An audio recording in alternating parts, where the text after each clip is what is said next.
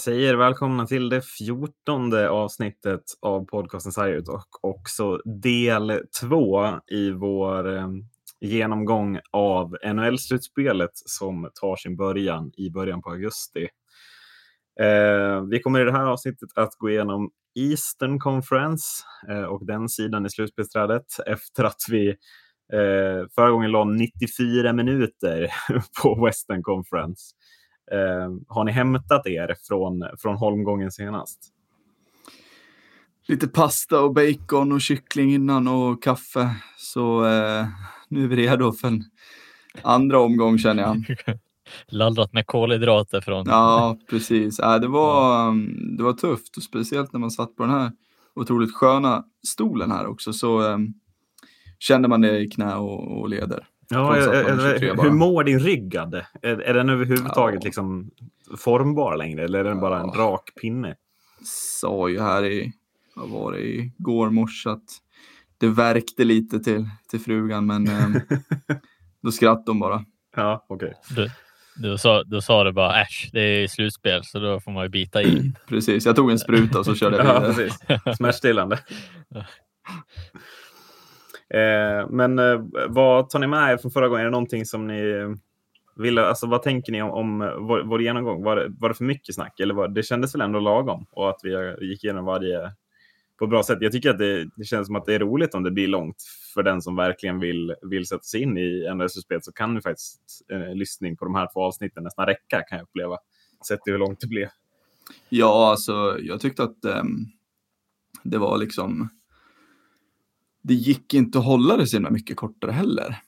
För man ville få med, få med allting. Eh, och vi trodde vi skulle få med hela både Eastern och Western Conference, men eh, det blev bara Western då. Mm, mm. Eh, och då tyckte vi, det var liksom inga överdrivet mycket heller, men det är klart att när man pratar om många lag så, så blir det länge. Så att, eh, får vi se hur länge vi håller på idag. Eh, men ska vi kasta oss in då helt enkelt? Det tycker jag. Känner du, dig, du känner dig också redo Marcus? Du har ju chips framför dig som du sitter och knaprar på. Ja, jag försöker undvika dem nu. Men, men, men du känner ändå att de lockar dig? Det är svårt. det är det. Det är lite så här, ja, psyk psykologisk eh, test. Mm, mm. Testa om man kan hålla sig en timme eller 1.30 eller 94 minuter. Eller ja, hur långt det nu blir. Men ja, vi får se. Ska vi börja, eh, precis som förra gången, med de lagen som redan är klara eller ska vi vända på det den här gången? Vi vänder på det nu då, för att vi göra en, ja. en, lite roligare twist på det, om det nu ens Då sparar vi de lagen som är klara för kvartsfinal och så tar vi åttondelsfinal för åttondelsfinal. Det är ju samma upplägg precis här då. Vi kanske ska upp, upp eller vad säger vi? upprepa upplägget att eh, det är sidningar utifrån tabelläge och sen eh, så blir det ytterligare sidningar samtidigt då. Eh, ja. I och med de här kvartsfinallagen ska sidas mot varandra och möta varandra för att sidas. Och sen är det bäst sidad mot sämst sidad hela, hela vägen fram till finalen. Då. Ja. Eh, I den eh, första åttondelsfinalen eh, möts ditt Pittsburgh Penguins hade, mot eh, Montreal Canadiens. Mm. Vad, vad har du att säga? Vad tror vi här? Det är ju, det är ju återigen då femman mot tolvan. Det ska ju vara klasskillnad här på ett annat sätt. Ja. Montreal ändå, de har varit väldigt upp och ner. Eh, Pittsburgh tycker jag började spelmässigt säsongen ganska, ganska medioker tycker jag. Eh, för att sen eh, kliva iväg tycker jag. Eh, så uppehållet, eller ja, uppehållet med pandemin som kom nu kom ju ganska olägligt kan jag tycka. Så att, eh, det såg ut att vara, vara någonting på gång eh, för, för Pittsburgh i, i, innan innan eh, uppehållet. Men eh, vi får väl se hur det ser ut nu. Jag, eh, ja, jag var ju, får säga det, jag var sjukt taggad inför gårdagen för att se på NHL igen. Men eh, man lyckas ju somna efter tio minuter. Så det talar väl sitt tydliga språk kanske. Ja, men precis. För när vi har spelat in det här, det har ju hunnit spelas eh, träningsmatcher och både Pittsburgh och Montreal var två av de lagen jag såg på två matcher igår. Jag såg Toronto, Montreal och Pittsburgh som mötte Philadelphia. Eh, och ska jag vara helt ärlig så tycker jag nog att eh, både Pittsburgh och Montreal stod för två väldigt bleka insatser i sina matcher och förlorade rättmätigt faktiskt. Jag tycker ingen av mm. dem var värda, värda segern utan man förlorar rättvist. Jag, jag, han du också kolla Margis?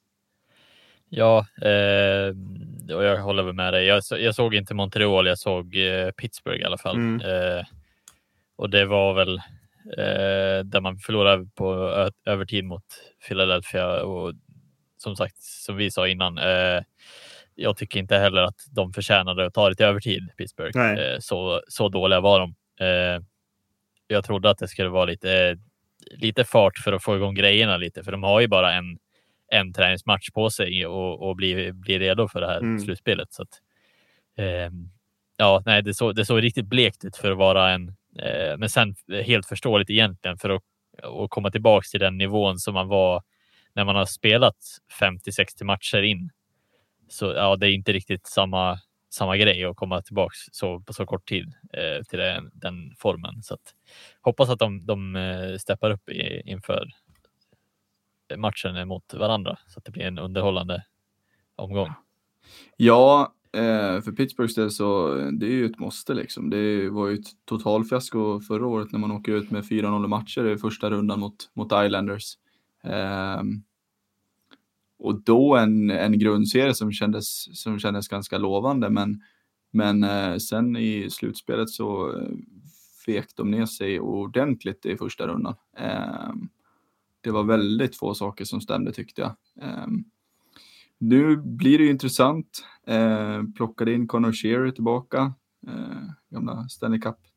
Hjälten får man ju kalla honom. Gillade honom extremt mycket när, när han var senast i Pittsburgh. Eh, Eh, så bra trade tycker jag att få tillbaka honom. Eh, han har ett extremt driv och eh, trivs otroligt bra tillsammans med, med Crosby. Mm. Um, en annan spelare jag tycker borde nämnas också vad gäller trade så plockar ni också in Jason Sucker från eh, Minnesota mm. Wild. Uh, där är det är en spelare som verkligen har förmågan att hitta nätet, tycker jag, eller hitta pucken i bra, i bra skottlägen. Han gör ett mål igår där det verkligen är liksom bara hamna på rätt ställe. Och, och, mm. och det är sådana mål som man måste, som blir så viktiga i ett slutspel när det är jämna och täta matcher, att man har förmågan att, att stå på rätt ställe vid rätt tidpunkt. Oh ja, oh ja. Det är också en, tycker jag, en liten eh, eh line mate till, till Crosby, men nu ska det bli intressant att se hur de konstruerar till, till premiären här då. Eh, hur, hur de ställer upp om de kör Crosby med Sherry och, och Gentzel. Eh, eller om de kör Zucker, Crosby och eh, Gentzel. Eh, för Malkin och, och, Brian Rust är ju givna i andra kedjan. Ehm, så att eh, det är lite Crosby, Crosby är väl som vi, han vi pratade om senast, McDavid. Man kan väl ställa honom med, med egentligen vil, vilka spelare som helst och de är bra ändå. Mm.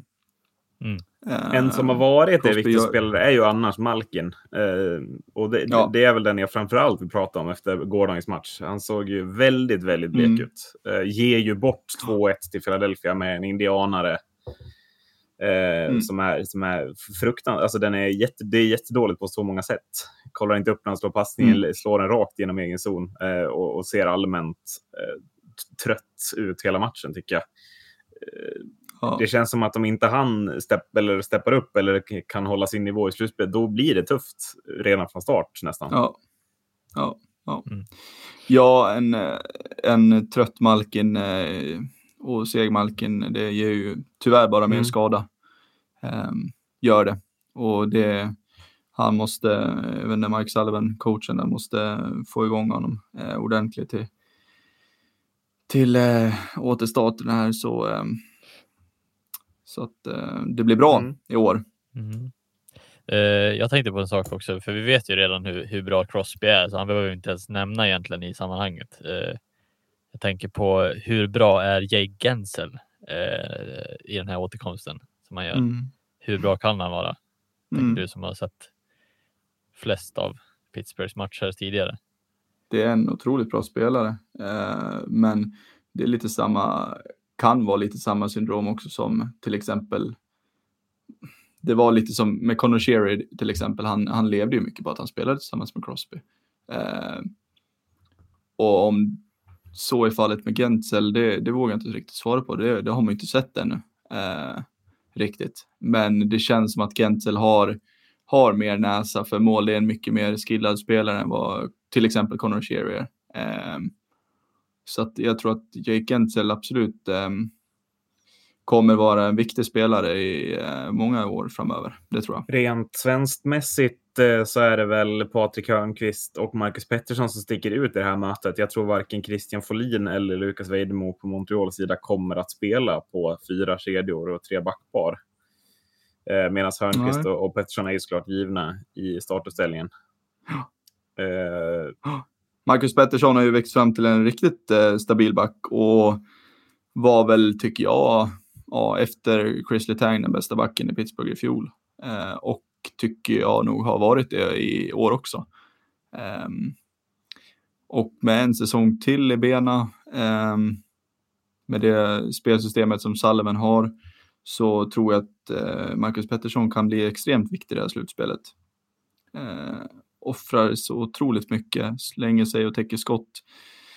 Otroligt bra eh, på att vinna, vinna närkamper eh, och levererar en del poäng också. Eh, så att han kan bli otroligt viktig.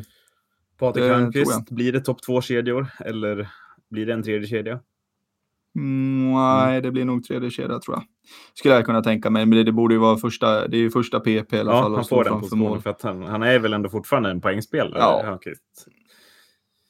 Ja, det tycker jag. Han har gått ner sig lite, men, men uh, han gör ju sitt, sitt extremt uh, fina arbete framför kassen i, i powerplay. Så att, uh, där är han cementerad. Ehm, men så mycket mer tror jag nog inte att vi kommer få se faktiskt. motståndarna Montreal, sista lag in. och när jag tittar på startuppställningen mm. så förstår jag nästan varför. Eller jag, jag tycker att Pittsburgh ska gå vinnande ur det här äh, mötet. Eh, man, man är bättre på många positioner, både sett på backsidan eh, och på, framförallt på forwardsidan tycker jag det ser väldigt tunt ut i, i Montreal. Ja.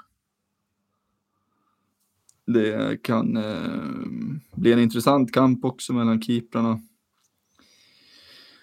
Få se om Price, eh, om man kan steppa upp ordentligt. Um, har ju haft det lite knackigt på slutet, men um, man vet ju aldrig med, med Curry Price. Det är um, otroligt bra, bra målvakt, men det är väl lite som vi snackade om senast också. Man lär ju ha en backsida framför också för att kunna prestera. och i det här fallet så tycker jag väl inte att det ser så himla stabilt ut. Uh, det, jag kan väl tycka att det är Shea Webber som som håller uppe den där backsidan. Eh, Jeff Peter till, till en viss del, men sen är det ganska tomt. Ja, det, det är väl i princip bara Max Domi som jag tycker, ja, Tatar också är, är, riktigt bra i det här laget. Eh, sen ser det väl ganska tunt ut rent generellt. Sen ska man väl aldrig ropa hej innan innan de har mötts så. Eh, vi såg ju blekt Pittsburgh kan ju kan ju klappa igenom fullständigt också. Eh, men om Crosby får stå själv på andra sidan så tror jag att det kommer att bli tufft. Om, om inte det Gensel och Hörnqvist och hela gänget, Malkin, drar liksom jämnt så kommer det att bli väldigt jämna matcher tror jag. Eh, ändå. Ja, det tror jag också. För jag, det jag har svårt att se med Montreal, det är liksom vem som ska göra poängen här. Eh, forwardsidan såg ju, såg ju ganska blek ut i Pittsburgh i den här matchen, men backsidan såg ju ändå okej okay ut med Pettersson och Letang och eh, Merino, tror jag han hette, eh, som ändå såg stabila ut. Mm. Mm. och jag tycker att Montreal, liksom, när Thomas Tatar är liksom deras bästa forward poängmässigt, där är, det är för lätt att stoppa en sån spelare. Alltså. Är, mm. det, han är inte tillräckligt bra för att, för att liksom gå långt. Alltså han, som tredje, fjärde forward, absolut. Men det, det behövs ju två, tre nivåer till framför mm. en sån spelare om man ska gå långt i ett slutspel, tycker ändå jag. Mm. Ja, det får vi se vad till exempel Nick Suzuki och, och Max Domi kan hitta på. Eh, Domi har ju, har ju haft det lite tufft eh, den här säsongen. Eh, var ju briljant förra året. Var ju. Eh, men eh, inte lyckats växla upp eh, som han hade önskat den här säsongen. Och Nick Suzuki är up and coming och han har gjort en, en jättebra säsong i år. Men det är lite som du säger Erik, det är, jag tycker att det är lite för svagt. Ja, men Suzuki står väl liksom på tur att bli den forwarden. Men han är inte det i ja. år tycker jag riktigt. Utan nej, nej. ska väl bli det i, i framtiden. Jo, precis. Han gör ju en jättebra rookie-säsong, men, men eh, sen är det klart, rookies kan ju liksom växla upp helt och, och eh, bli matchavgörande, men det kommer inte Nick Suzuki bli och då ser det tunt ut. Det gör det. Eh, innan vi går vidare till nästa match, vad tror ni på slutresultat här i matcher? Jag tror 3-2 till Pittsburgh. Du tror Montreal nyper två matcher då? Eh, jag tror att Pittsburgh kommer att stoppa hälarna första, ja, det är lite den. första matchen. Det, det är snarare att Pittsburgh är eh, dåliga än Canadiens som är bra. Är det eh, ja, mm. och då tror jag att det är, det är inte så långt mellan alla lagen i NHL och står Pittsburgh så som man gör mot, nu tror jag väl att de steppar upp någon, någon växel till kanske, men om de står på hälarna i början så kommer de att tappa en eller två matcher. Det tror jag. Jag tror Pittsburgh vinner med 3-1 i matchen ändå. Eh, kanske att man står på hälarna en match, men om, om, man gör det då kommer, då kommer det ageras och då kommer man steppa upp, är min, min teori. Jag, jag tror till och med att det kan bli 3-0 om man steppar upp från början. Men eh, 3-1 mm. gissar jag på. Mm. Ja, jag tror samma som dig Erik. Tror på 3-1. Eh, jag har svårt att se att Canadiens ska ska ta två och eh, ska ta tre eh, seger i den här matchserien. Så att eh, nej, och speciellt från fjolårets eh, misär så eh, tror inte att eh, Pittsburgh accepterar att, eh, eh att det slutar redan nu. Det tror jag inte. Ehm, nästa eh, matchserie står mellan eh, Carolina Hurricanes och New York Rangers. Där vi väl hittar Sveriges bästa hockeyspelare för tillfället. Ja. I Mika Zibanejad. Jag vet inte om ni har något motbud, men jag tycker att eh, den här säsongen så, han, så är han Sveriges bästa hockeyspelare. Ja. Ja, det är svårt att säga emot faktiskt.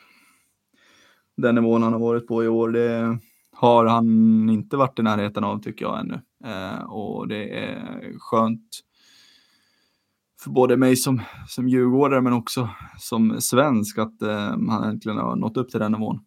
Jag var ju också otroligt i det VMet här. Eh, ja. För två år sedan nu blir det väl va? Yes. Ja. Verkligen. Så att, eh, mm. Men vad, vad, tror ni om Rangers chanser mot, mot Hurricanes? Man är ändå 11 i tabellen. Eh, jag tror att Rangers är jäkligt nöjda med att eh, få vara med och fightas om det här och nu det är ju lite som att de har ju ingenting att förlora riktigt. Eh, det är ju lite så med de lagen som, som halkade in, om man ska säga, i slutspelet. Eh, och speciellt Rangers tänker jag. Eh, så jag tror att de är jäkligt nöjda att vara där de är nu.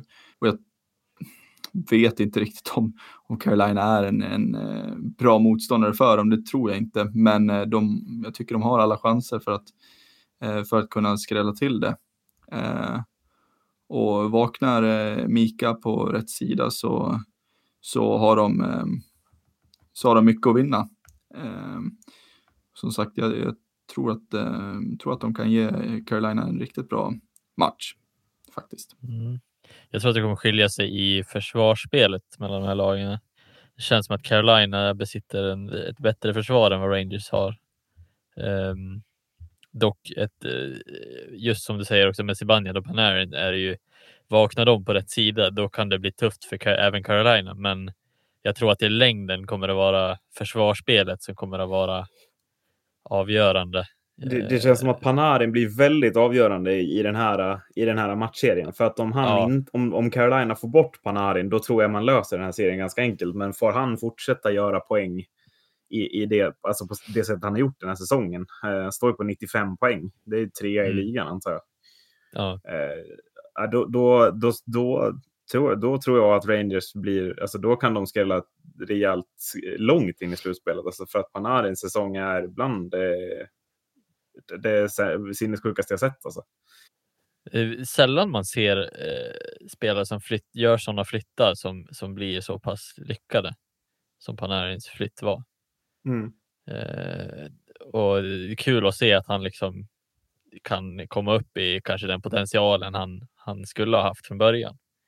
Eller som han besitter i grunden, men som inte riktigt hit, hittar rätt på en gång. Utan det behövdes den här flytten, komma in i en ny omgivning för att, för att hitta den här. Det är kul att se liksom sånt. Samma sak kan man kolla på andra sidan så eh, Aho Teravainen har ju verkligen tagit tag i. Svesjnikov också. Eh, vi ska inte glömma eh, den bortglömde Svesjnikov nästan. Nej, men eh, hur bra de här spelarna är också offensivt så att det kommer att kommer vara en rolig matchup tror jag. Men för att, gå tillba för att gå tillbaka till Panarin, alltså han, han kunde ju verkligen sitta där förra sommaren och, och välja med omsorg. Och han kunde verkligen tänka igenom sitt beslut riktigt noga vad han ville göra.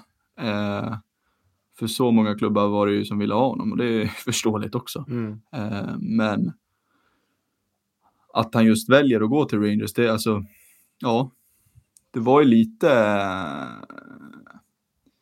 det var ju en del som höjde på ögonbrynen att han gjorde det. Mm. Eh, med tanke på den fasen som Rangers ändå är, slash var i.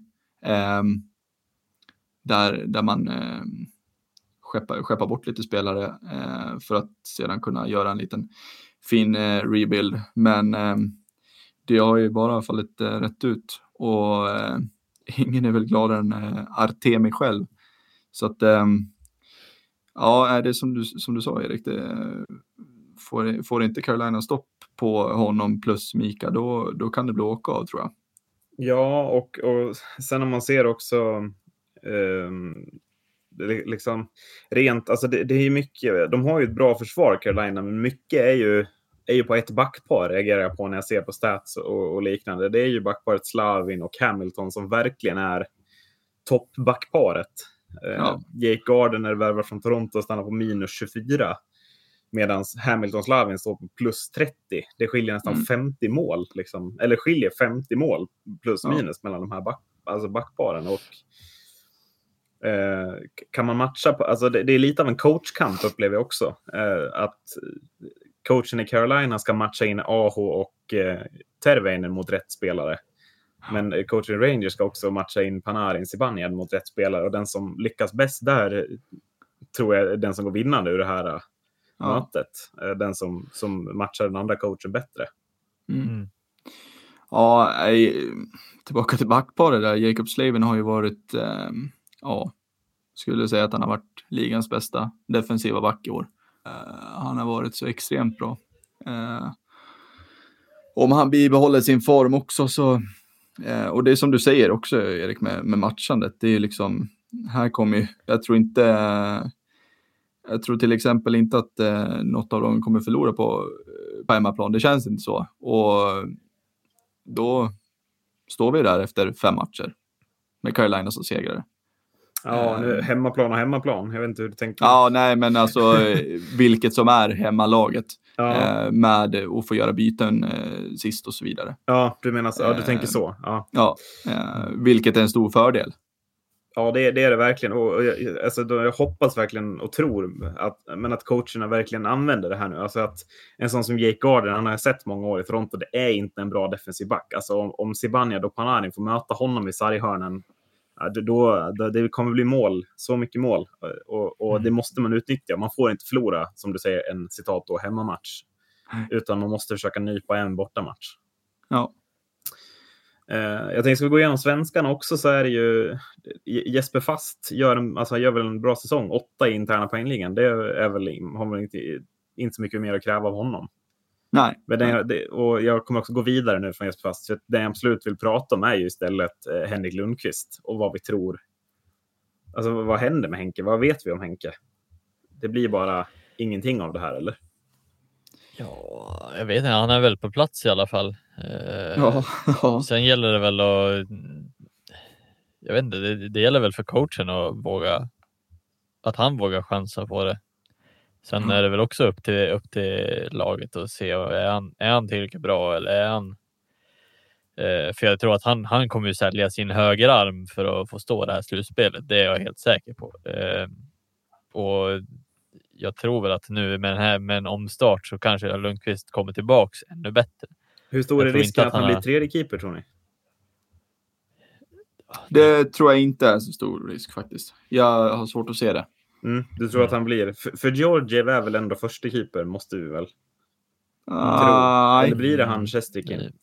Ja, Sherstorken. Det blir eh, vad, vad det låter som i alla fall. Ja, för eh, eh Georgiev har, har ju inte presterat jättebra tycker jag i alla fall. Men det har väl, ska vi välja, det har väl inte Henke heller gjort?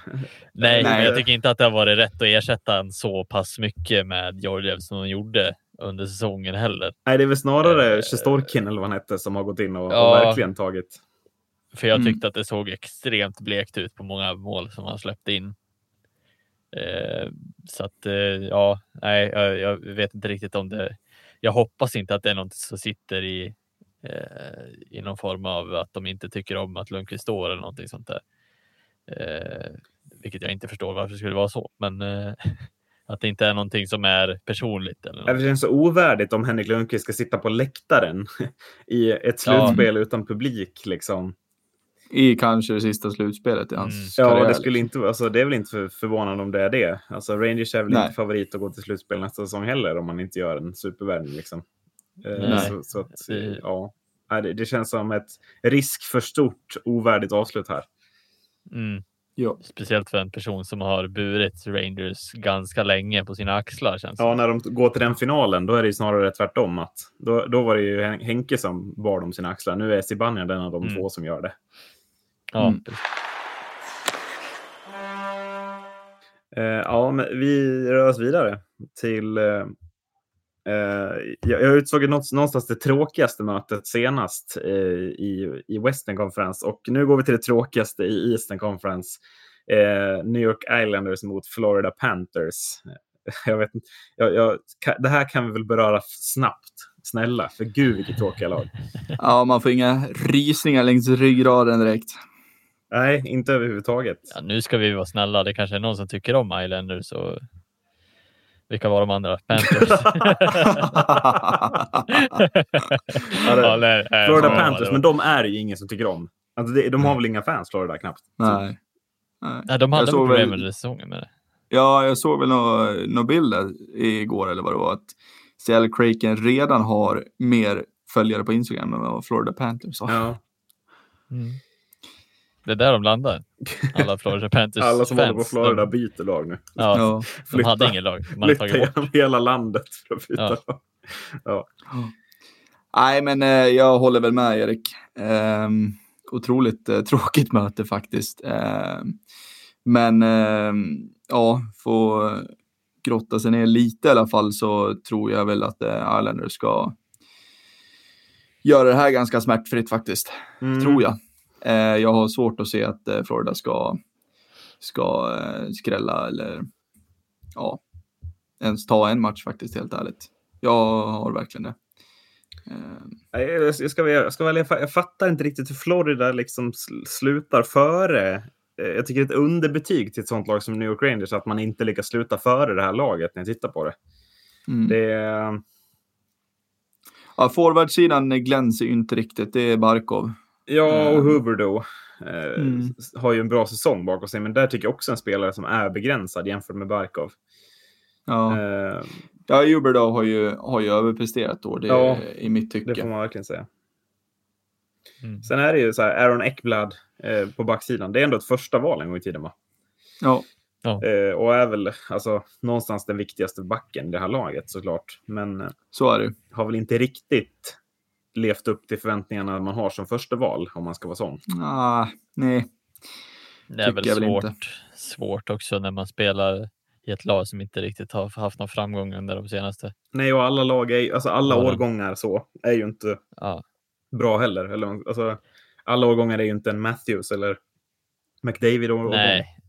Nej, precis. Och sen är det väl svårt också att komma in som som eh, första pick i, som back och, och bära ett lag som typ McDavid gör, det, det, det gör man ju inte. Eh, det är nog betydligt svårare att och liksom sätta någon form av standard för sig själv där i, än vad det är som forward mm. att göra det, tror jag. Eh, sen är det ju självklart jättesvårt att, att ens göra skillnad i NHL trots att man är första pick. Det har vi sett flera som har försvunnit under, alltså under åren eh, som inte har blivit någonting eh, eller som har kommit på senare år. Eh, så det är jättesvårt och kraven är ju höga på alla som kommer in så pass högt. Så att eh, ja, och det är bara att kolla på hur många som blir någonting faktiskt och inte. Ja, nej men eh, vilk, vad, alltså, Islanders är ju ändå roliga i sammanhanget eller vad man ska säga. Men det där finns det ju ändå mm. lite spelare som är, alltså en sån som Barzal är värd att hålla koll på. Tycker jag, även om han inte har gjort lika mycket poäng. Alltså, ju, vi, vi sågar ju Juber då väldigt mycket nu. Eh, men det är ju första gången han på riktigt gör en sån säsong. Eh, mm. Väl också, där han gör så mycket poäng. Eh, men eh, ett lag som sitter på eh, Matthew Barzal och Jordan Eberle tycker jag ändå ska räknas högre i ett sånt här sammanhang. Det är en annan nivå rent kvalitetsmässigt, tycker jag. Ja, alltså som sagt, Juber, du har ju liksom, om man, man glömmer, man glömmer nästan bort att räkna med den grundserie som har varit eh, i år, nästan. Mm. Det, det gör i alla fall jag. Han hade ju väldigt, han hade ju bra förra året. Väldigt bra när han gjorde 92 poäng. Mm. Men, eh, men sen är det ju, ja, sen om man liksom, om det blir lite one hit wonder, det, det vet man ju inte. Eh, och Matthew Barzell är ju liksom, det är ju en eh, otroligt fin spelare och kommer göra, kommer göra mycket, mycket poäng. Eh, speciellt i det här mötet tror jag. Eh, den enda som kan stoppa och eh, borde stoppa efter det här uppehållet eh, är ju Sergej Bobrovski. Mm. Eh, har han återhämtat sig efter den riktigt dåliga säsongen han hade, grundserien hade i år, ja. så eh, då kommer han bli svår att göra mål på. Jo, men så, och sen är ju Bobrovski är ju verkligen, han är ju urtypen av den här första målvakten som kanske inte är så hälsosam. Alltså han står ju alla matcher. Bokstavligen. Ja. Liksom. Det, är, mm, ja. det är knappt så att andremålvakten ens är att nämna här. Medan Islanders har två målvakter som, som man kan alternera mellan på, på ett helt annat sätt. Ja. Eh, och, ja, målarsidan blir avgörande, men jag, men jag tror att Bobrovska har för mycket på sina axlar för att kunna axla det riktigt, riktigt bra nästan. Ja. Fast har man 10 miljoner dollar om året så då, ja, ska man väl kunna fixa det ändå tycker jag. Men... Ja, det är väl så. Det, det, är väl det. Så är det väl. Ja. Eh, ska vi nämna svenskan också kanske? Tycker jag. Eh, de är två stycken och de spelar i eh, Florida här. Mm. Anton Strålman gjorde en, gick ifrån Tampa Bay hit och är väl exakt samma back här som han var i Tampa Bay. Ja. en fokus på defensiven. Ja. Mm. Och det gör han ju bra. Har han ju alltid gjort. Ja. Så att han kommer bli, bli viktig tillsammans med Aaron Eckblad där bak. Mm. Det kommer han bli. Absolut. Eh, och eh, Lukas Wallmark då tradade i sista stund från Carolina som vi tidigare pratade om. Eh, mm. Borde, tycker jag, platsa på ett fyra kedjor här utan problem. Frågan är hur högt han platsar. Mm, ja, spela det kommer han att göra, mm. men eh, vart blir lite Frågetecken. Jobbig risk i fjärde kedjan va? Tyvärr. Ja. Mm. Ja, han kom in ganska sent, sju matcher in mm. han har väl spelat och sånt där. Så att eh, det, det, är väl, ja, på ett sätt är det väl bra också att han får liksom en fräsch start med, med laget från början nu. Eh, han hoppades liksom in mitt i säsongen. Nu kanske han har fått lite tid med dem innan och sätta sig i laget lite. Eh, så det kanske var positivt att det blir som en ny start nu. Mm. Eh, men eh, får vi se det. Jag tror också på tredje, fjärde linan. En kul fakta bara. Min mormor har faktiskt haft honom i skolan som elev en gång i tiden. Bara så här, som en sido. en stolthet. Det var otroligt fint. Alltså stolt för ja. liksom, familjen Bergs skull här. Ja. Det... Ett otroligt fint sidospår tycker jag. ja. Uh, ska vi tippa? Vi glömde tippa den förra insåg jag. Uh, Men vi tar, det, det blir någonstans New York-lagen i en och samma då. Hur går det mellan Carolina och Rangers och hur går det mellan Islanders och Panthers tror ni? Eh, Carolina vinner 3-2. Mm. Ja, jag tror också Carolina 3-1 tror jag till och med. Ja, jag lutar ändå åt Rangers faktiskt. Jag tror, eh, jag tror och hoppas för Sebanias skull att säsongen blir längre än bara en serie här. Så 3-2 till Rangers säger jag. Mm. Mm. Sen eh, tror jag på 3-0 Islanders. Du tror det går så enkelt ändå? Ja, ja. det tror jag faktiskt. Eh, ja, jag har ju svårare att sätta den här match matchserien. Eh, Panthers är ju van att spela utan publik så det, det Exakt kanske vad jag tänkte säga Marcus, det var sjukt. positivt för, för Panthers. Det är inte för att vara elak heller, utan de, de är ju faktiskt, de har ju haft jätteproblem med ja. Så att, alltså jag tror 3-2 till uh, Ja, jag tänkte säga det. Jag, jag, jag tror ändå att Islanders lyckas vinna bara på ren kvalitet, men jag tror också att Florida ja. risk för att vara en jätte-outsider tyvärr, bara på grund av att man, man är det laget som har minst publik och är vanast att spela inför hyfsat tomma läktare. Sist men inte minst då det största svenskmötet i, eh, av alla matchserier. Där vi kommer mm. få se inte mindre än sex, eh, eller vad blir det, fyra, tio svenskar eventuellt, nio svenskar. Eh, Toronto Maple Leafs mot Columbus Blue Jackets. Eh, ett lag Eh, som väl många trodde skulle hamna högre upp, Toronto Maple Leafs, inte minst jag själv som håller på laget. Eh, och löser man inte ens den här matchserien mot, mot eh, Columbus, då kommer det här laget att få höra det och man kommer få höra det under en lång tid tror jag. Mm. Mm det evigt hackande av eh, Toronto Maple Leafs kan vi kalla det. Ja, absolut. Eh, och det vart väl inte, alltså än mer när, eh, när han eh, ismaskinsföraren hoppade in i, i Carolina och faktiskt stängde ute Toronto ändå.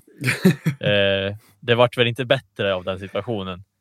Nej. Eh, riktigt. Eh, Sen gjorde det ju Carolina fruktansvärt bra. De spelar ju bra också, men det satte sig lite i huvudet på Toronto tror jag. Och mm. jag tror att de kommer ha det problemet även under slutspelet. Att det här kommer att sitta i huvudet och gnaga på dem. Mm. De, de har hela den här pressen mot. Jag, jag tror att det är inget annat lag i hela världen som har samma press på sig som, som Toronto har från sina fans.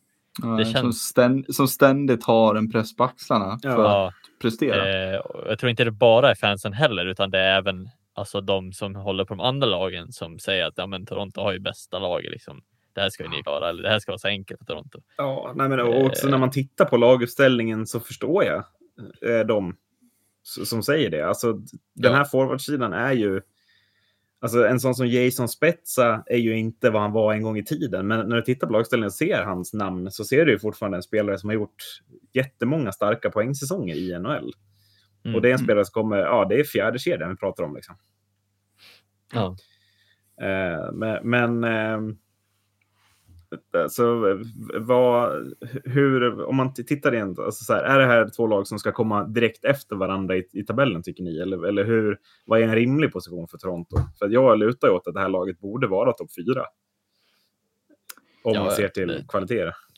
Ja, alltså det här, det här är ett lag som ska vara topp top tre, skulle jag säga nästan. Alltså det, det är så bra är det eh, offensivt så att det borde kompensera för sin defensiv. Alltså, det, det är få andra lag som har den här bredden på, på den offensiva fronten. Mm.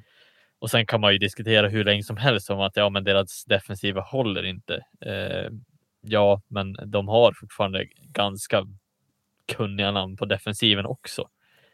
Även om det kanske inte håller hela vägen. Men Morgan Riley har vi ju sett hur bra han är det var väl säsongen innan det här som han var ett riktigt monster och vi ja. sa att han måste ju vara, han måste vara kandidat till Norris. Alltså, mm. Han måste vinna Norris.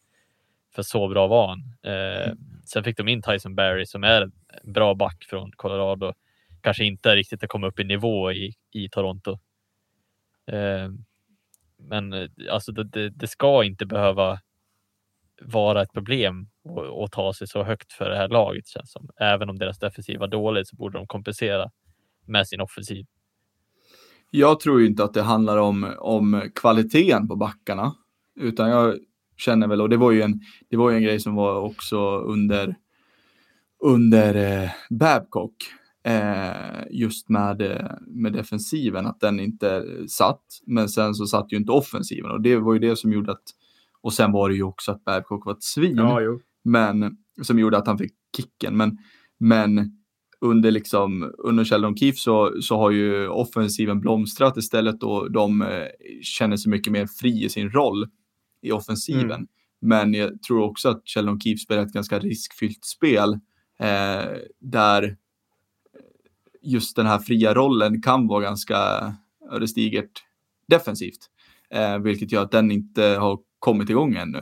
Men ja, det, det är ju lite som att offensiven är den bästa defensiven. Typ. Ja.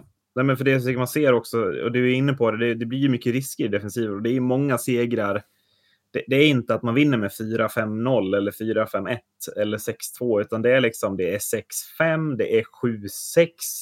Det krävs mm. så mycket mål framåt för att vinna. Alltså man kan, ja. det, det, är sällan man ser en, en enkel 4-1 liksom.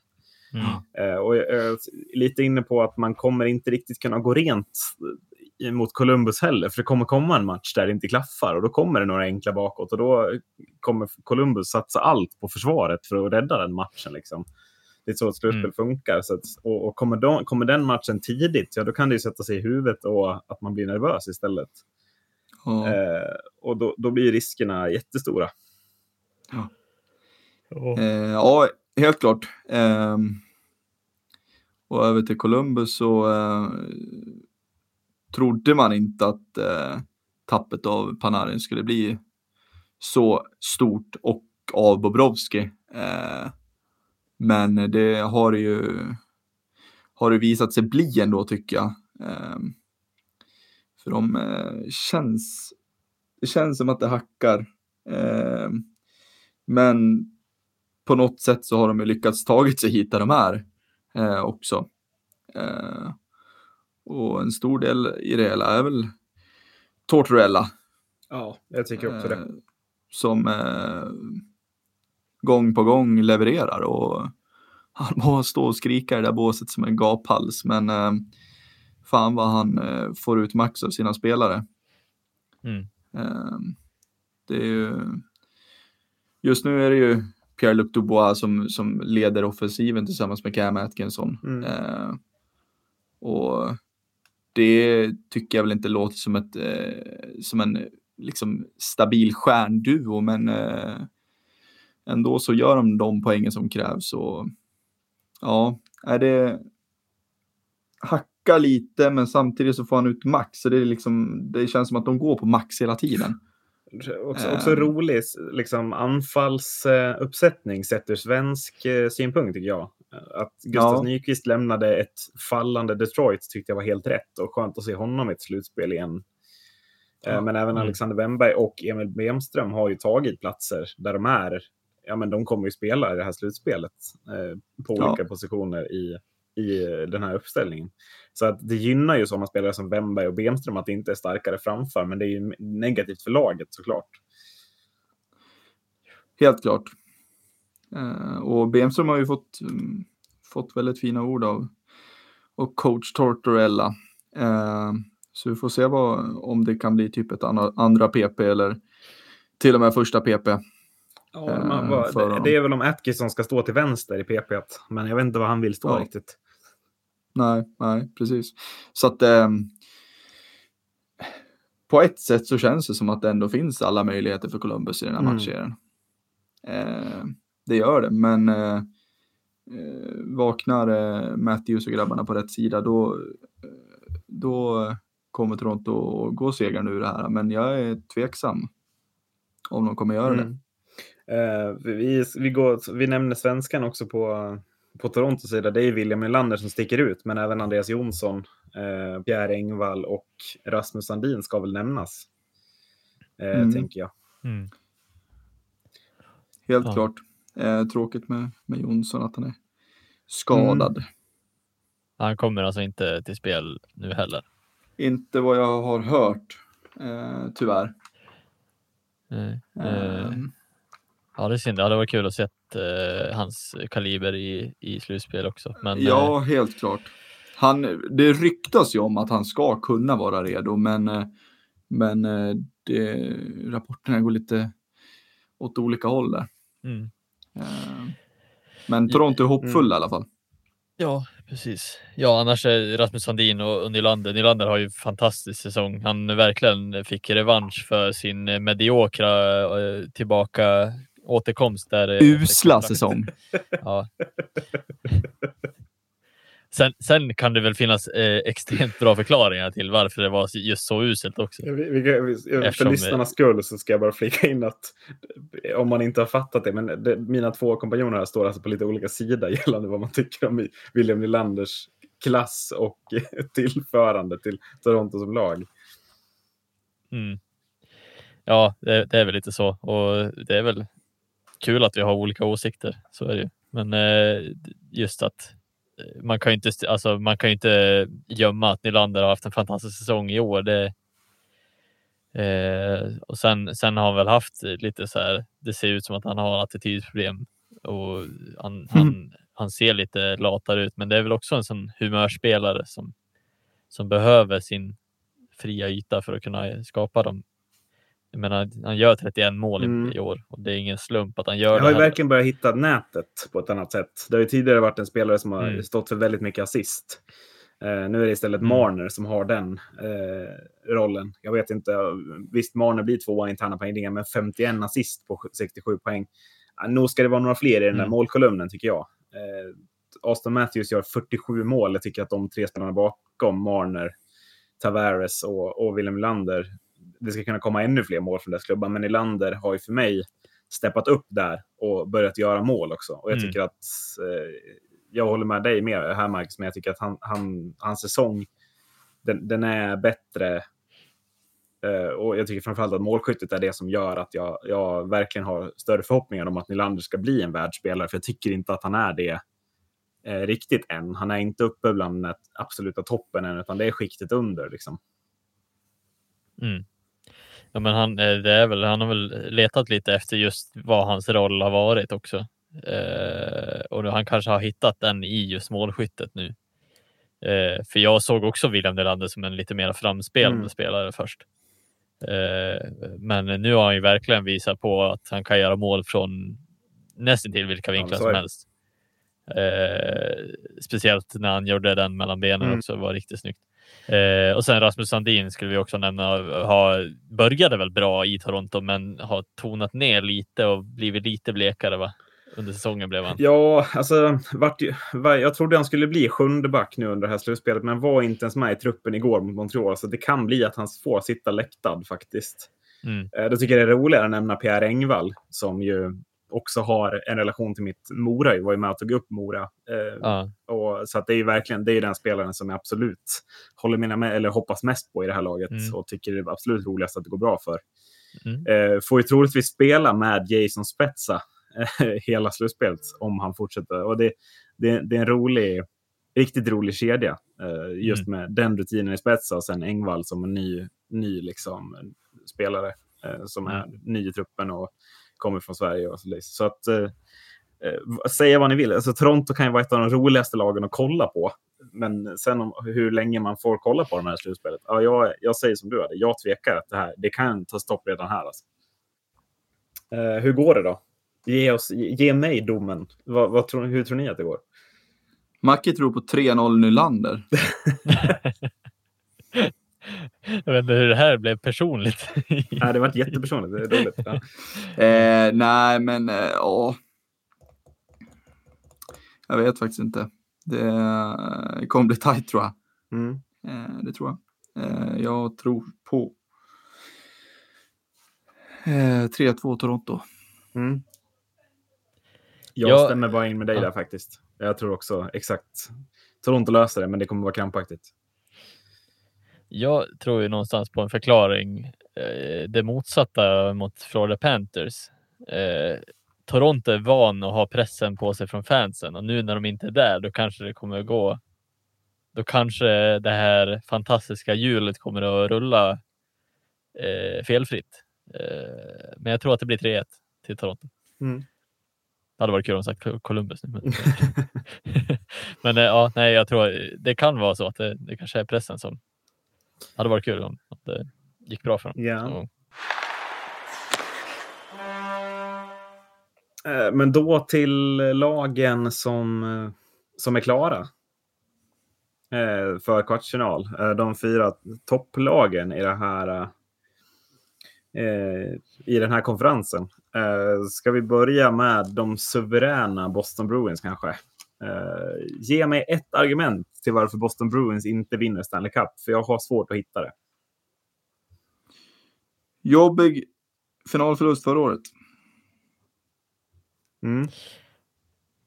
Att det sitter i huvudet då? Kän, kän, ja, precis, precis. Känns som det enda, men eh, det kan vara mycket också. Eh, det är ju ett fantastiskt lag, det är det. Eh,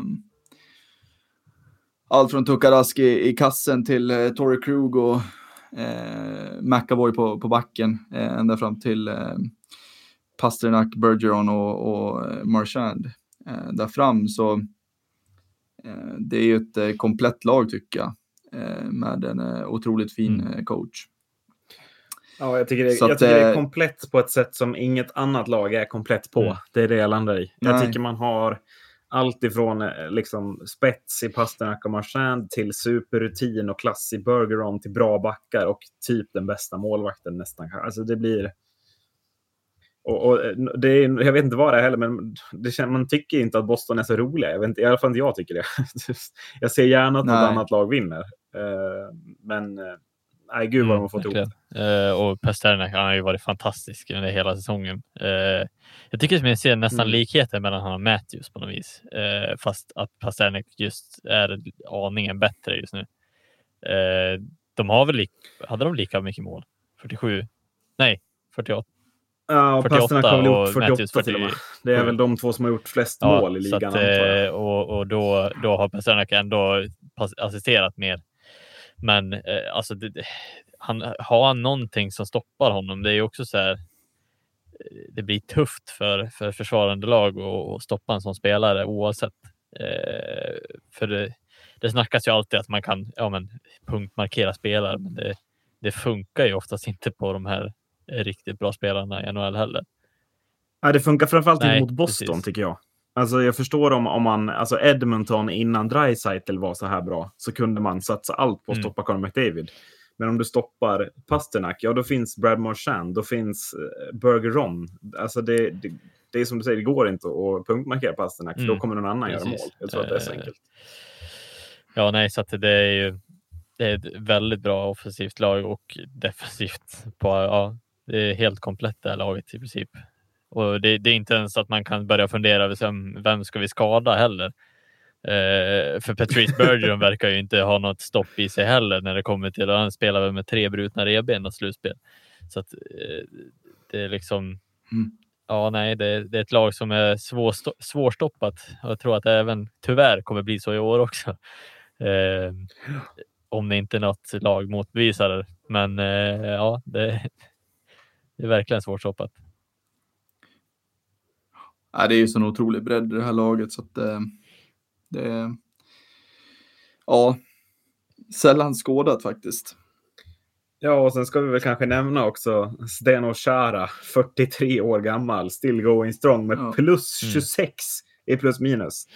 Bäst ja. i hela, i mm. hela laget. Ja, jag vet ja. inte vad jag ska säga, men eh, herregud vad bra. Ja, men verkligen en definition av stabil. Eh, både för sin tyngd, längd och sina plus 26. Liksom. Nej, så att eh, eh, imponerande och verkligen fortfarande hålla den klassen eh, trots sin ålder. Även man, man, kan ju tycka att han borde ju bli klumpigare, alltså än mer med tanke på att han är längre och större och eh, med åldern. Men eh, han verkar ju hänga med än. Eh, så att, eh, imponerande verkligen.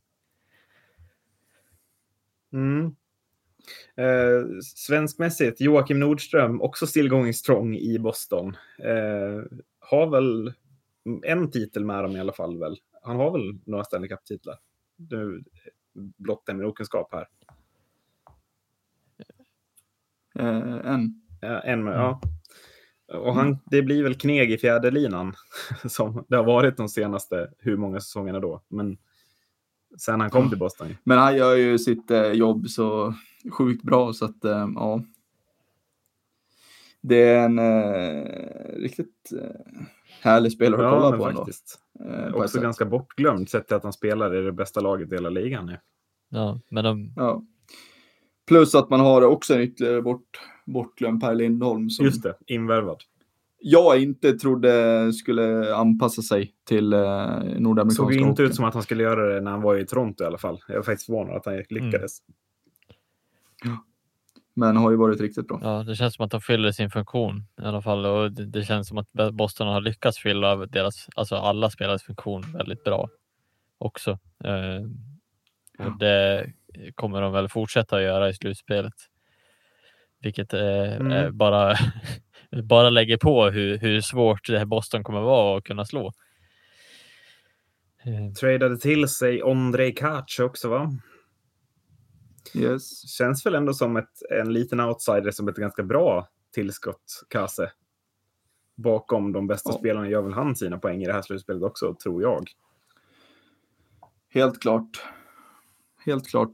Eh, svår, svårt att göra, göra poäng i ett Anaheim Ducks som man var i mm. innan. Men eh, eh Boston den, eh, får lite mindre tryck på sina axlar så eh, kan han nog prestera bra. Det tror jag. Eh, vad var det för trade där? Vem lämnade Boston för Kase? Eh, Sätt, sätter det, den? Det är, det är inte en snäll fråga jag ställer, förlåt. Nej, det var det inte. Eh, det var det inte. Jag tror väl inte att han eh, var väl ingen eh, så här super, super Nej, trader om man ska säga. Eh, och det är väl, så, alltså Kase har väl mer poäng i sig än Denton Heinen. Jag tror att det är så enkelt med den här traden. Eh, vill jag tro i alla fall. Ja, tycker jag. jag. på, om, jag, om jag skulle få gissa så skulle jag gissa att Kase har, har en nivå e- extra i sig jämfört med Heinen. Mm. Ja, ja. Eh, ja. Eh, ja. Vidare eh, till Tampa Bay Lightning som i detta nu när vi spelar in slog eh, går sakta. Eh, som i detta nu spelar in eh, leder med 5-0 mot Tampa Bay, eller mot eh, Florida Panthers då, eh, någonstans lokalrivalen. Braden Point, fyra poäng. Nikita Kucherov, tre poäng på fem mål. Eh, och eh, det är väl en het kandidat till att stoppa Boston eventuellt då. Ja, definitivt. Ja, Då... um, de har ju har ju fin rutin på, på många spelare, eh, likt Boston. Eh, speciellt på backsidan kan jag ju tycka, eh, med rutinen. Sen är det ju stjärnglans framåt. Men ehm, det var väl lite som vi, eh, eh, som vi snackade om innan, det här med att, att komma tillbaka från och släppa saker som hände förra året. Jag menar, fiaskot de åkte på i fjol var ju liksom ett av de största fiaskorna eh, i modern tid. Jag säger inte emot dig. När man åker. Nej, när man blev svepta med, med 4-0 mot Columbus. Jag tycker är det mest eh, Att man blir svept. Ja. Är ju... ja. Ja. Ja, det är stjärnfyllda laget att de åker ut med, med 4-0 i matcher. I Efter den säsongen också. Mm. Ja, det var ju ja, en hel, ja. En hel sportvärld ja, som var... hade tippat att Tampa Bay skulle vinna Stanley Cup förra året som satt med händerna rakt ut och undrar vad som hände. Mm.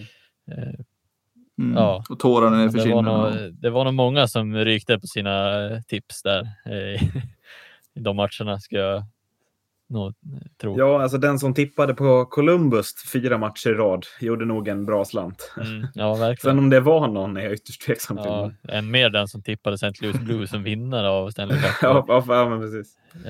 Men ja, Nej, men det är ju ett fantastiskt eh, ishockeylag det här också. Det eh, känns ju som att Ja, precis. Det är som du säger att det är ju det här laget som ska slå Boston.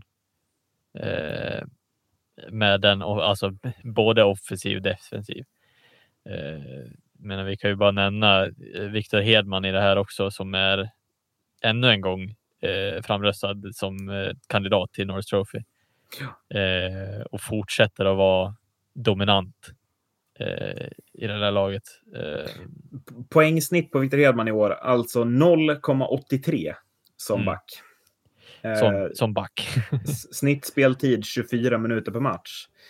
Eh, jag tycker att Tampa Bay blir roligare mm. att följa bara för att vi har en svensk som är så otroligt framträdande. Boston mm. blir ju lite... Joakim Nordström är all ära såklart, men eh, Hedman är ju, det är ju första back i, i ett av världens bästa ishockeylag. Liksom. Ja, och gör det så bra defensivt mm. och offensivt. Eh, där, har vi, där har vi en bra, ett bra exempel på hur en back är både bra offensivt och defensivt. Alltså den räckvidd som ja. Hedman besitter, eh, inte bara för sin längd utan hur, hur jobbig han är att möta. Inte, eh, alltså rent tekniskt också. Det är sådana små detaljer som han, eh, han använder för, för att fånga upp pucken och fånga upp spelare. Och så vidare. Det, han är inte tuff spelare så. Han är verkligen sån, alltså mer närmare Lidas i så fall.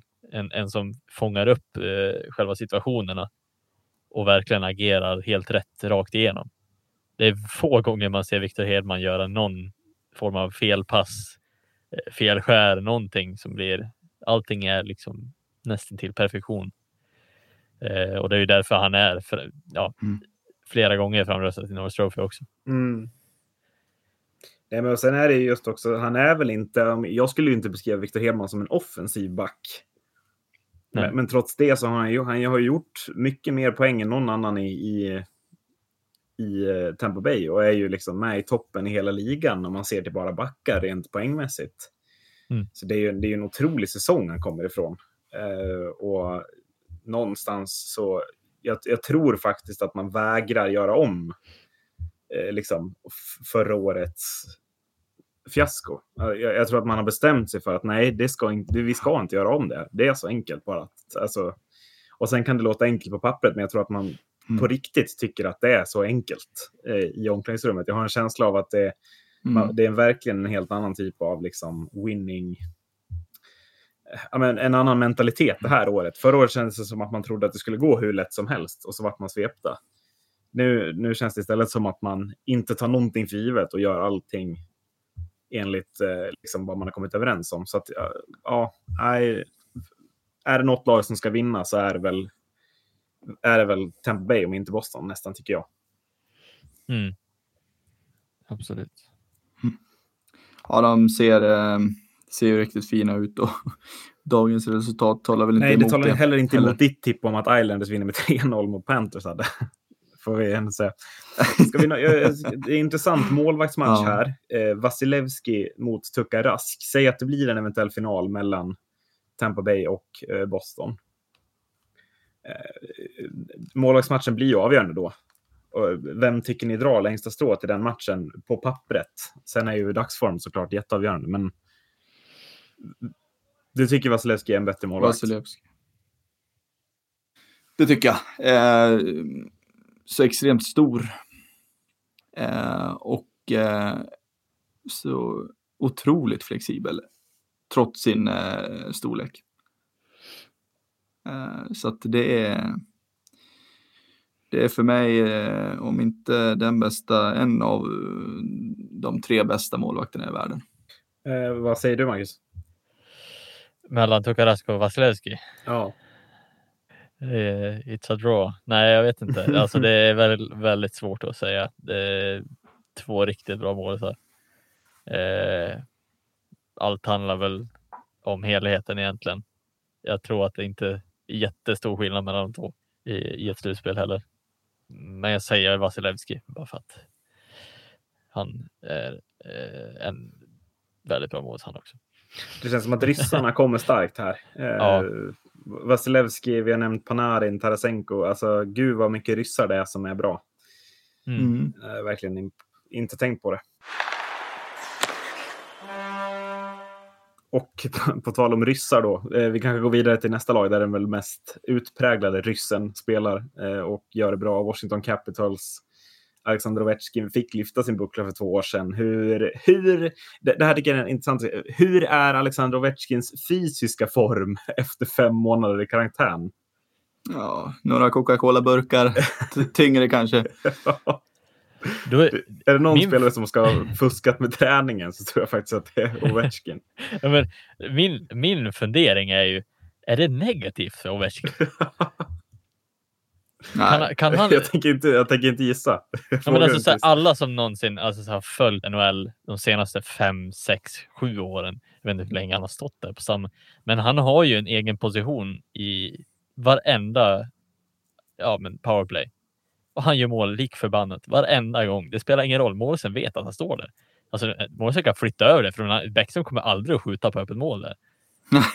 han, kommer, han kommer passa över till Alex Ovechkin. Alex Ovechkin kommer skjuta. Pucken kommer gå igenom magen på målisen för det spelar ingen roll vem som står i vägen för den pucken. Nej, men, han har gjort mål varenda gång. På Nej, men, och, och, det är liksom så här, man, man, kan fortsätta kritisera Ovechkin för att han, ja, men han är inne på mycket mål bakåt. Det är så där framåt, det är inte så mycket passningar, men likförbannat har han gjort flest mål i hela ligan ändå. När vi mm. summerar mm. för alltså det grundserien som avslutades. Mm. Eh, Pasternak tycker man gör hur bra säsong som helst. Gjort lika många mål som Ovechkin. 48 stycken. Mm. Sen är ju assisten, 19 stycken från resten klubbar, inte imponerande. Men att han fortsätter att göra så mycket mål. Mm. Alltså, här måste det väl vara att markera en spelare lite åtminstone, eller? Jag vet inte. Ja. men de har ju verkligen hittat eh, den rätta rollen för att, vart han ska vara någonstans han har blivit mindre rörlig och eh, mindre snabb än som han var när han kom till NHL. Då var han ju extremt snabb och väldigt teknisk av sig. Nu är det mera. Eh, han är ju mer som en tank nästan. Mm. Alltså, han, han ställer sig där, laddar i klubban långt innan och skjuter. Eh, och jag skulle gissa på att de där 19 assisterna är de 19 skotten som har räddats och blivit retur in. nästan. Alltså jag, jag skulle nästan kunna sätta ja. liksom pengar på att det, i alla fall tio av dem är assist från, från returskott. Ja, men, ska vi också här, bara nämna liksom här, hur mycket skjuter spelarna i, i, i Washington? Då, om man ser antal skott som, som avlossades. Eh, Ovechkin har skjutit 311 skott eh, säsongen. Mm. Då. Den som kom tvåa, ni kan väl båda gissa, hur många skott sköt den? Alltså den som sköt näst flest skott i Washington. 187. Mm. 200 tänkte jag säga. Ja, 189 är rätt svar. Så bra gissat, Marcus. Men det är liksom ja, det var inte gissning. Jag trodde att det var 100 skott mindre vi pratar om. Mer än 100 ja. skott. Alltså, Ovechkin skjuter... Det är så mycket skott så jag kan liksom inte riktigt sätta ord på det någonstans. Det är, det är liksom så absurt mycket skott. Mm. Eh, och, eh, kan man inte kräva att han ska göra så här mycket mål då? Eller är det... Alltså, för, förstår ni vad jag är ute efter? Jo. Ja, alltså det, det är klart, skjuter man mycket och, och, och är otroligt bra på att göra mål så det är ju klart att 50 mål, det ska han ju göra varje mm. säsong. Men det är ju det att just, att han, just det att han gör det varje år också. Mm. Det, det är det som är häpnadsväckande för mig, att han liksom år ut och år in bara levererar. Jag menar, det finns ju vissa spelare som bara så här, har en dålig säsong. Det är någonting som inte stämmer, men Ovechkin trycker i sig en kola till och så prickar han in 19 mål till. Mm. Liksom. Så att det på det sättet som eh, Ovechkin har, eh, har liksom anpassat sig efter sin eh, långa karriär nu i NHL. Och han vet vad han är bra på, det är att skjuta och då, det är det han gör. Mm. Uh, det är liksom ingen flärd kille som håller på och flexar med massor med fina dribblingar och sådär längre, utan det är, det är som du sa Macke, det är en tank och han gör mål på allt. Men också för att sätta lite perspektiv på hur bra han är på att göra målen då. Alltså inte bara, ja men visst han, han har skjutit liksom 311 skott han har ändå inte skjutit flest skott i ligan. Eh, för det, det, det har Nathan McKinnon gjort. Ja. Men han, han, han har fortfarande gjort 35 mål, vilket är liksom ja, en hel del mindre än vad, än vad Ovechkin har gjort. Ja. Så, att, så att det blir liksom så här. Ja, men Nathan McKinnon är ingen dålig hockeyspelare. Han är en fantastisk ishockeyspelare och har gjort ändå 35 mål. Men alltså göra 48 mål ändå Eh, alltså så här, det, det, är inte varje hockeyspelare som gör det ändå, även om man får 311 skott på sig. Nej, jag tror det verkligen tror jag som du säger, att det, du är inne på någonting. Mm. Ehm, den största utmanaren till Victor Hedman om eh, själva eh, Norris Trophy, det är väl John Carlson som kanske också borde vara favorit att vinna den, tänker jag. Men eh, hur viktig blir mm. han i det här slutspelet för Washington som lag om man ska kunna göra om 2018, tror ni? Eh, det hänger mycket på, eh, på John Carlson och, och Orlov på mm. backsidan. Eh, det gör det. Eh, John Carlson är extremt bra säsong. Eh, och det var, det var lite så också som jag pratat om innan, när, när ska han sluta? Eh, det dalade ju lite på slutet, men den nivån han höll hela, hela säsongen, det var nästan lite skrattretande. Han vinner alltså interna poängligan uh, i ett lag med Alex Ovechkin, ja. Evgenij Kuznetsov, TJ Oshie och Niklas Bäckström. Hatten ja. av, tänker jag. ja. Och precis, och med tanke med det jag sa om att dala lite på slutet så menar jag inte att han var dålig, utan det var mer att han eh, hade kunnat gjort eh, lite mer poäng ja. faktiskt. Mm. Han, eh, han gjorde bara ett poäng per match. ja, precis. Snittet gick ner lite i slutet. Om vi säger så. Mm. Ja, nej, 60 assist på 69 matcher som back, det är, mm. Nej, det är helt Men, galna här, här kan vi också snacka om, så här, vi tyckte att Hedmans snitt är bra. John Karlsson snittar alltså 1,09 poäng per ja, match. Det är mm. den här säsongen. En som poäng per match som back. Det är ju Erik mm. Karlssons mm. siffror i Ottawa och då spelade Erik Karlsson 30 minuter tänkte jag säga, per match. Liksom. Mm. Mm.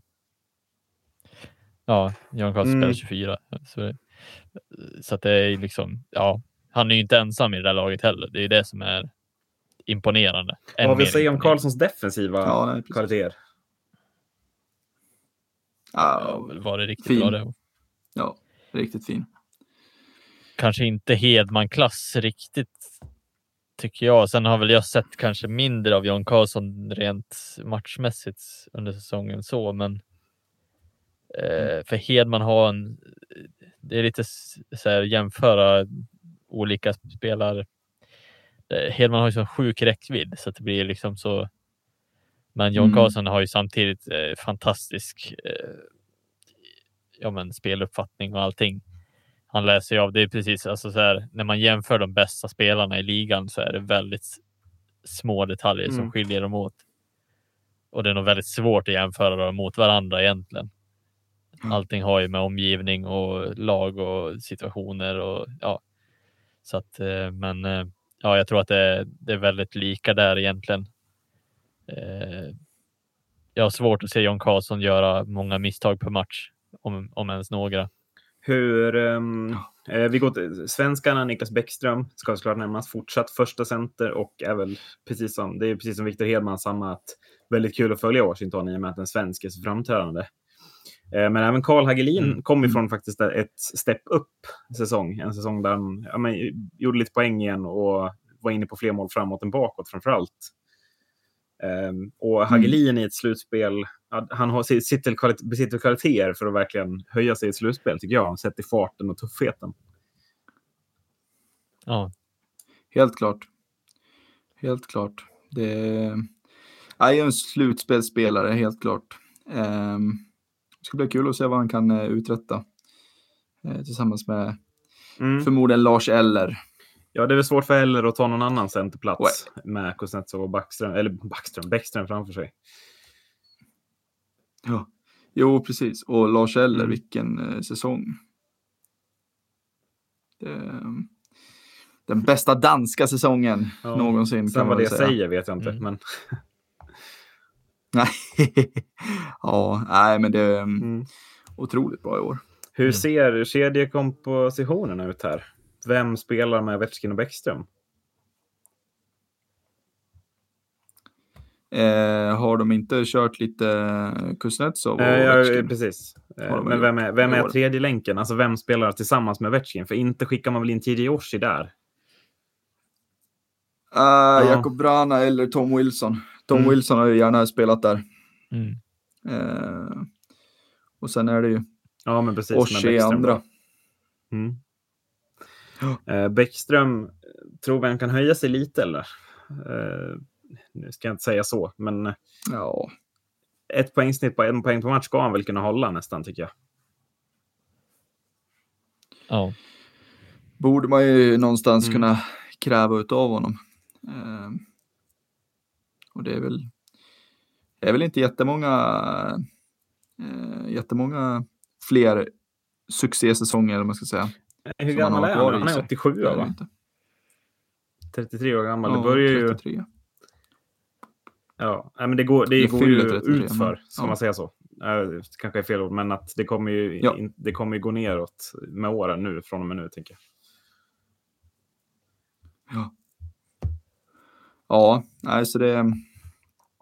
Eh, man bör väl kunna kräva en, Vad en tror vi om chanserna för det här laget? Eh, det finns ju ändå kvalitet. Det är ju mycket som är kvar från, eh, från när de mm. tog eh, bucklan för två år sedan. Det är det ju. Eh, så att hittar de bara tillbaka till, till det de eh, kan och det de ska göra så, så är det klart att det här laget är slagkraftigt, helt klart. Eh, ja, sista lag ut i Eastern Conference. Ett lag som imponerade på mig när jag såg dem mot eh, ditt Pittsburgh hade Philadelphia Flyers. Mm. Eh, spelar man som man gjorde mot Pittsburgh, då kommer man gå långt tror jag. Eh, det var, som Marcus var inne på, in, det var inte, Pittsburgh var inte ens värda poäng eller vad man ska kalla det, att ta det till förlängning, utan målens. Det, precis. Nej, det, utan Philadelphia skapade mer, man såg hetare ut och man hade framförallt fler spelare som stod ut i positiv bemärkelse, tycker jag. Eh, och det är väl ett lag som går lite under radarn kanske för den svenska publiken i och med eh, Oskar Lindbloms tragiska uttåg då den här säsongen med sin sjukdom och sen Robert Hägg i den andra svensken. Eh, inte någon poänggörande back kanske. Nej. Nej. Vad har du att säga om Robert Hägg, Marcus? produkt. Ja, eh, var väl duktig där när han lirade i Modo så. Eh, var med i JVM också och lirade, gjorde det där eh, hemska misstaget eh, när de förlorade.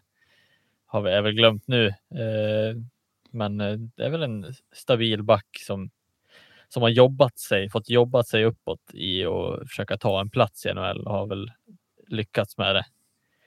Um, jag, jag, skulle, jag skulle säga att han är en ganska grovjobbande back eh, som använder mycket av sin, sin tyngd och, och sin, lite av sin eh, spelskicklighet också.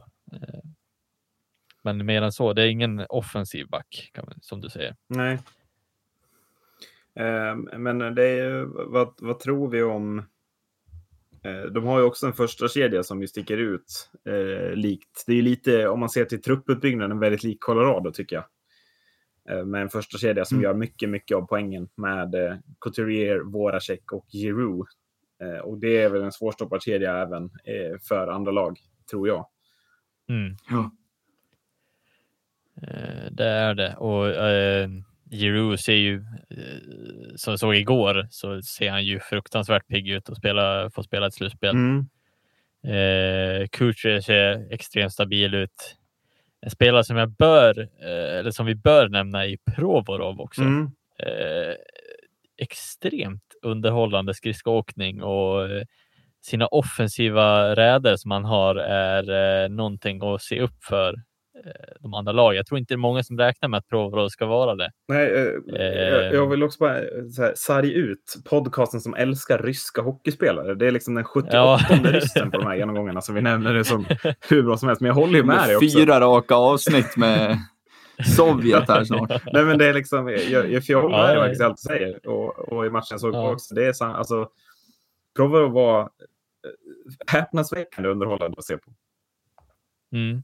Eh, här avsnittet kommer heta From Russia with ja, Love. Ja. Eh, nej, men eh, faktiskt en väldigt imponerande skridskoåkning på honom om, om, om någon, någon får möjlighet att se på en match mm. med Philadelphia om det går på bra sändningstid i Sverige så är det en spelare som man eh, kan hålla koll på. Eh, han kommer att växla mellan forward och back känns som nästan ibland.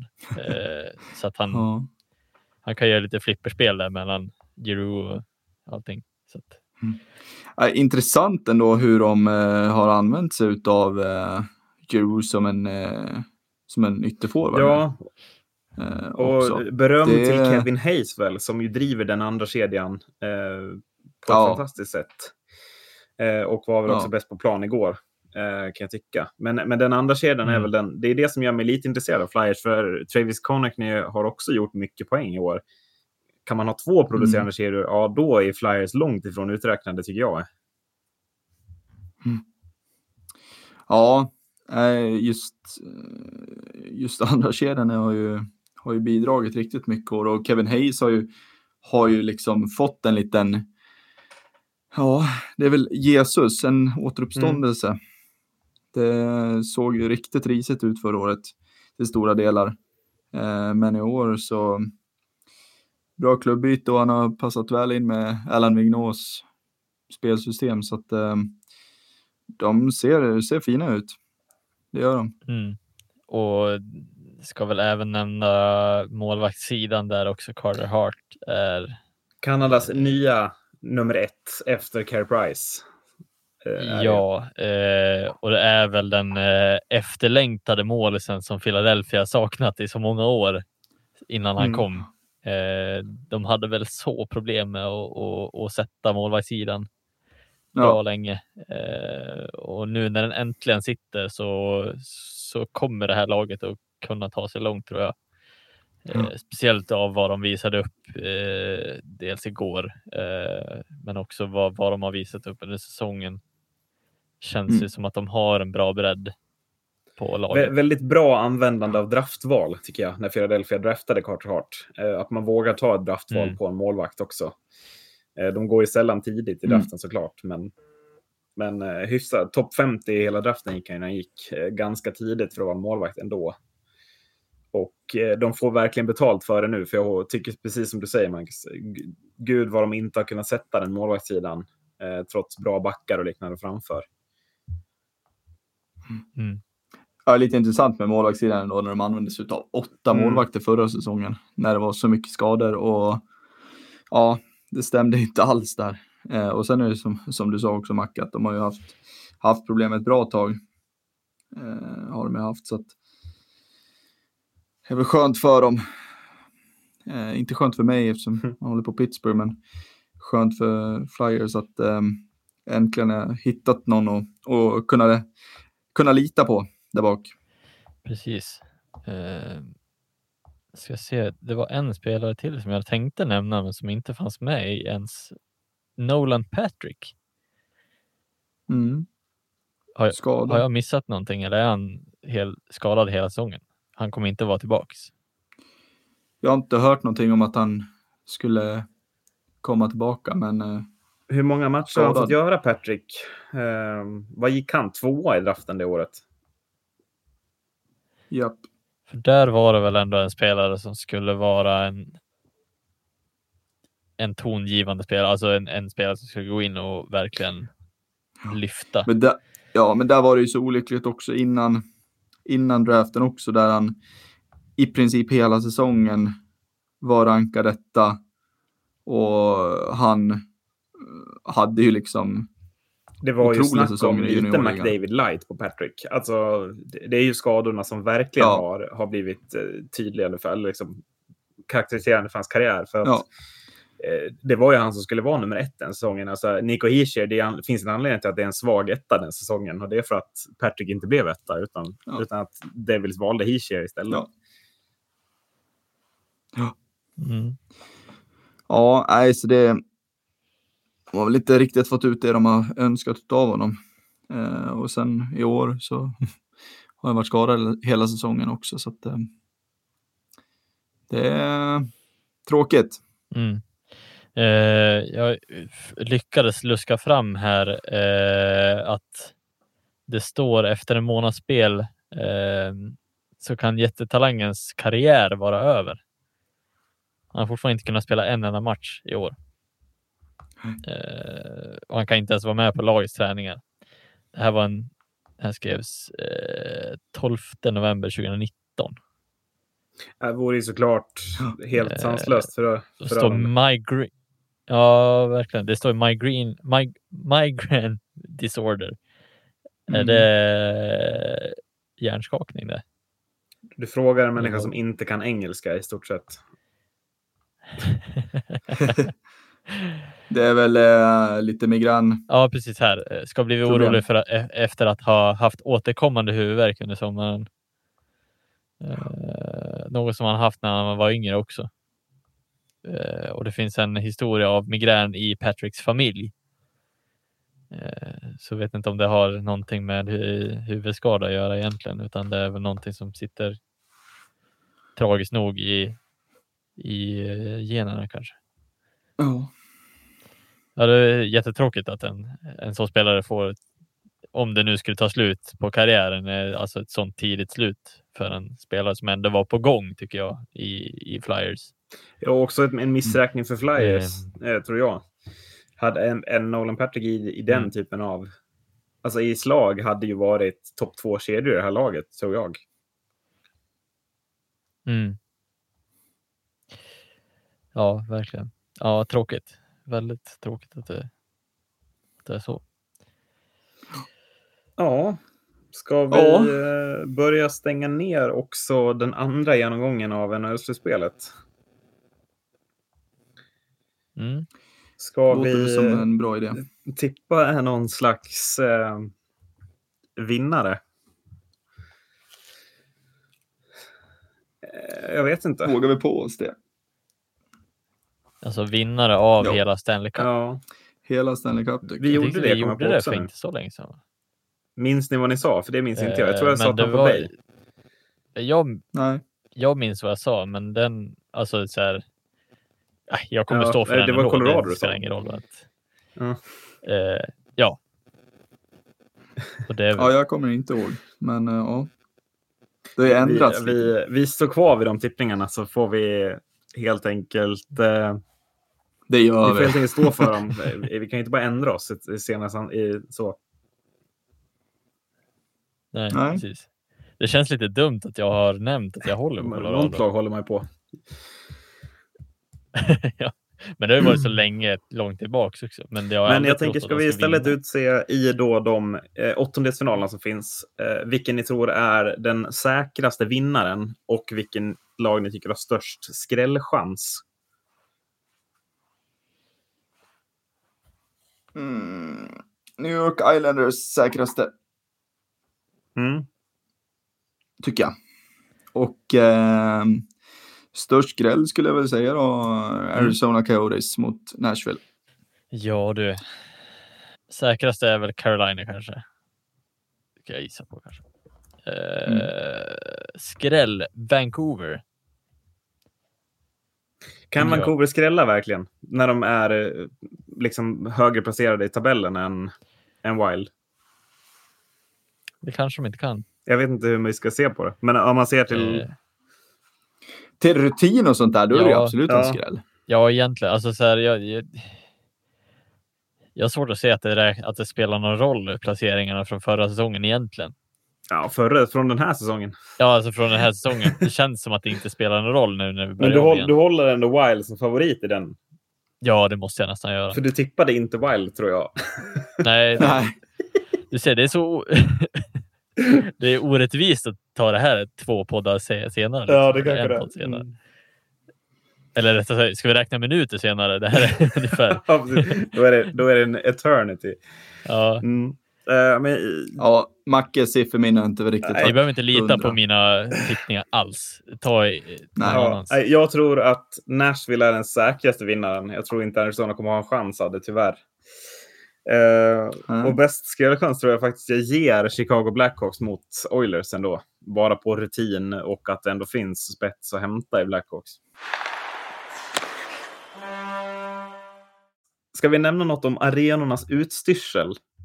Hur de liksom har, alltså i både Edmonton och i Toronto nu, hur de har liksom gjort i ordning arenorna för utan publik. Jag, tyckte, jag blev nästan förvånad över hur snyggt det var. Jag, vad hade ni för tankar när ni såg det? Ja, verkligen. Det var ju eh,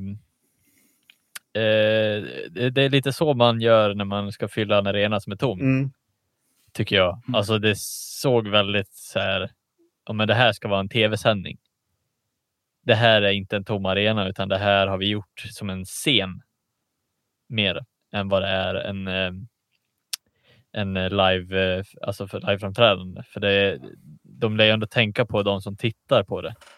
Och de har ju verkligen, verkligen gjort det bra för eh, den vinkeln. För att det ska se så bra ut från det hållet och så vidare. Så att, ja, jag tyckte att det var väldigt bra. Och det NHL har varit väldigt bra att göra sådana saker. Ja, jag instämmer bara. Ja. Det kändes... Eh, just att, att de genom att sätta upp eh, liksom lite banderoller och täcka för övre etaget på läktaren så känns det som att de har rader, raderat halva arenan så att det inte känns så himla stort runt om. Utan att det ändå känns mm. som en, en gryta som kan koka bara av lagens närvaro. Liksom. Mm. Precis, de har, de har verkligen fått en 18-20 eh, 000 eh, personers arena och krympa ner till en liksom bara fokus på, på spelarna och det tycker jag är fantastiskt ja, bra. Ja, verkligen.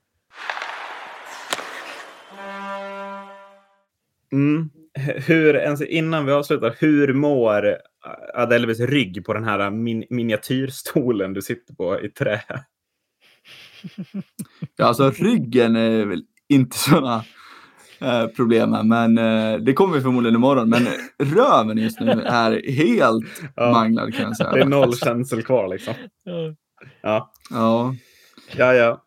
Eh, men då, då tänker jag att jag ställer frågan, Marcus Berg. Vi har varit i poddzon i enormt många timmar eh, med den här NHL-genomgången. Hur tar man sig enklast ur zon? Sarg ut. Det gör man, sarg ut. Tack för att ni har lyssnat. Hej då. Hej då.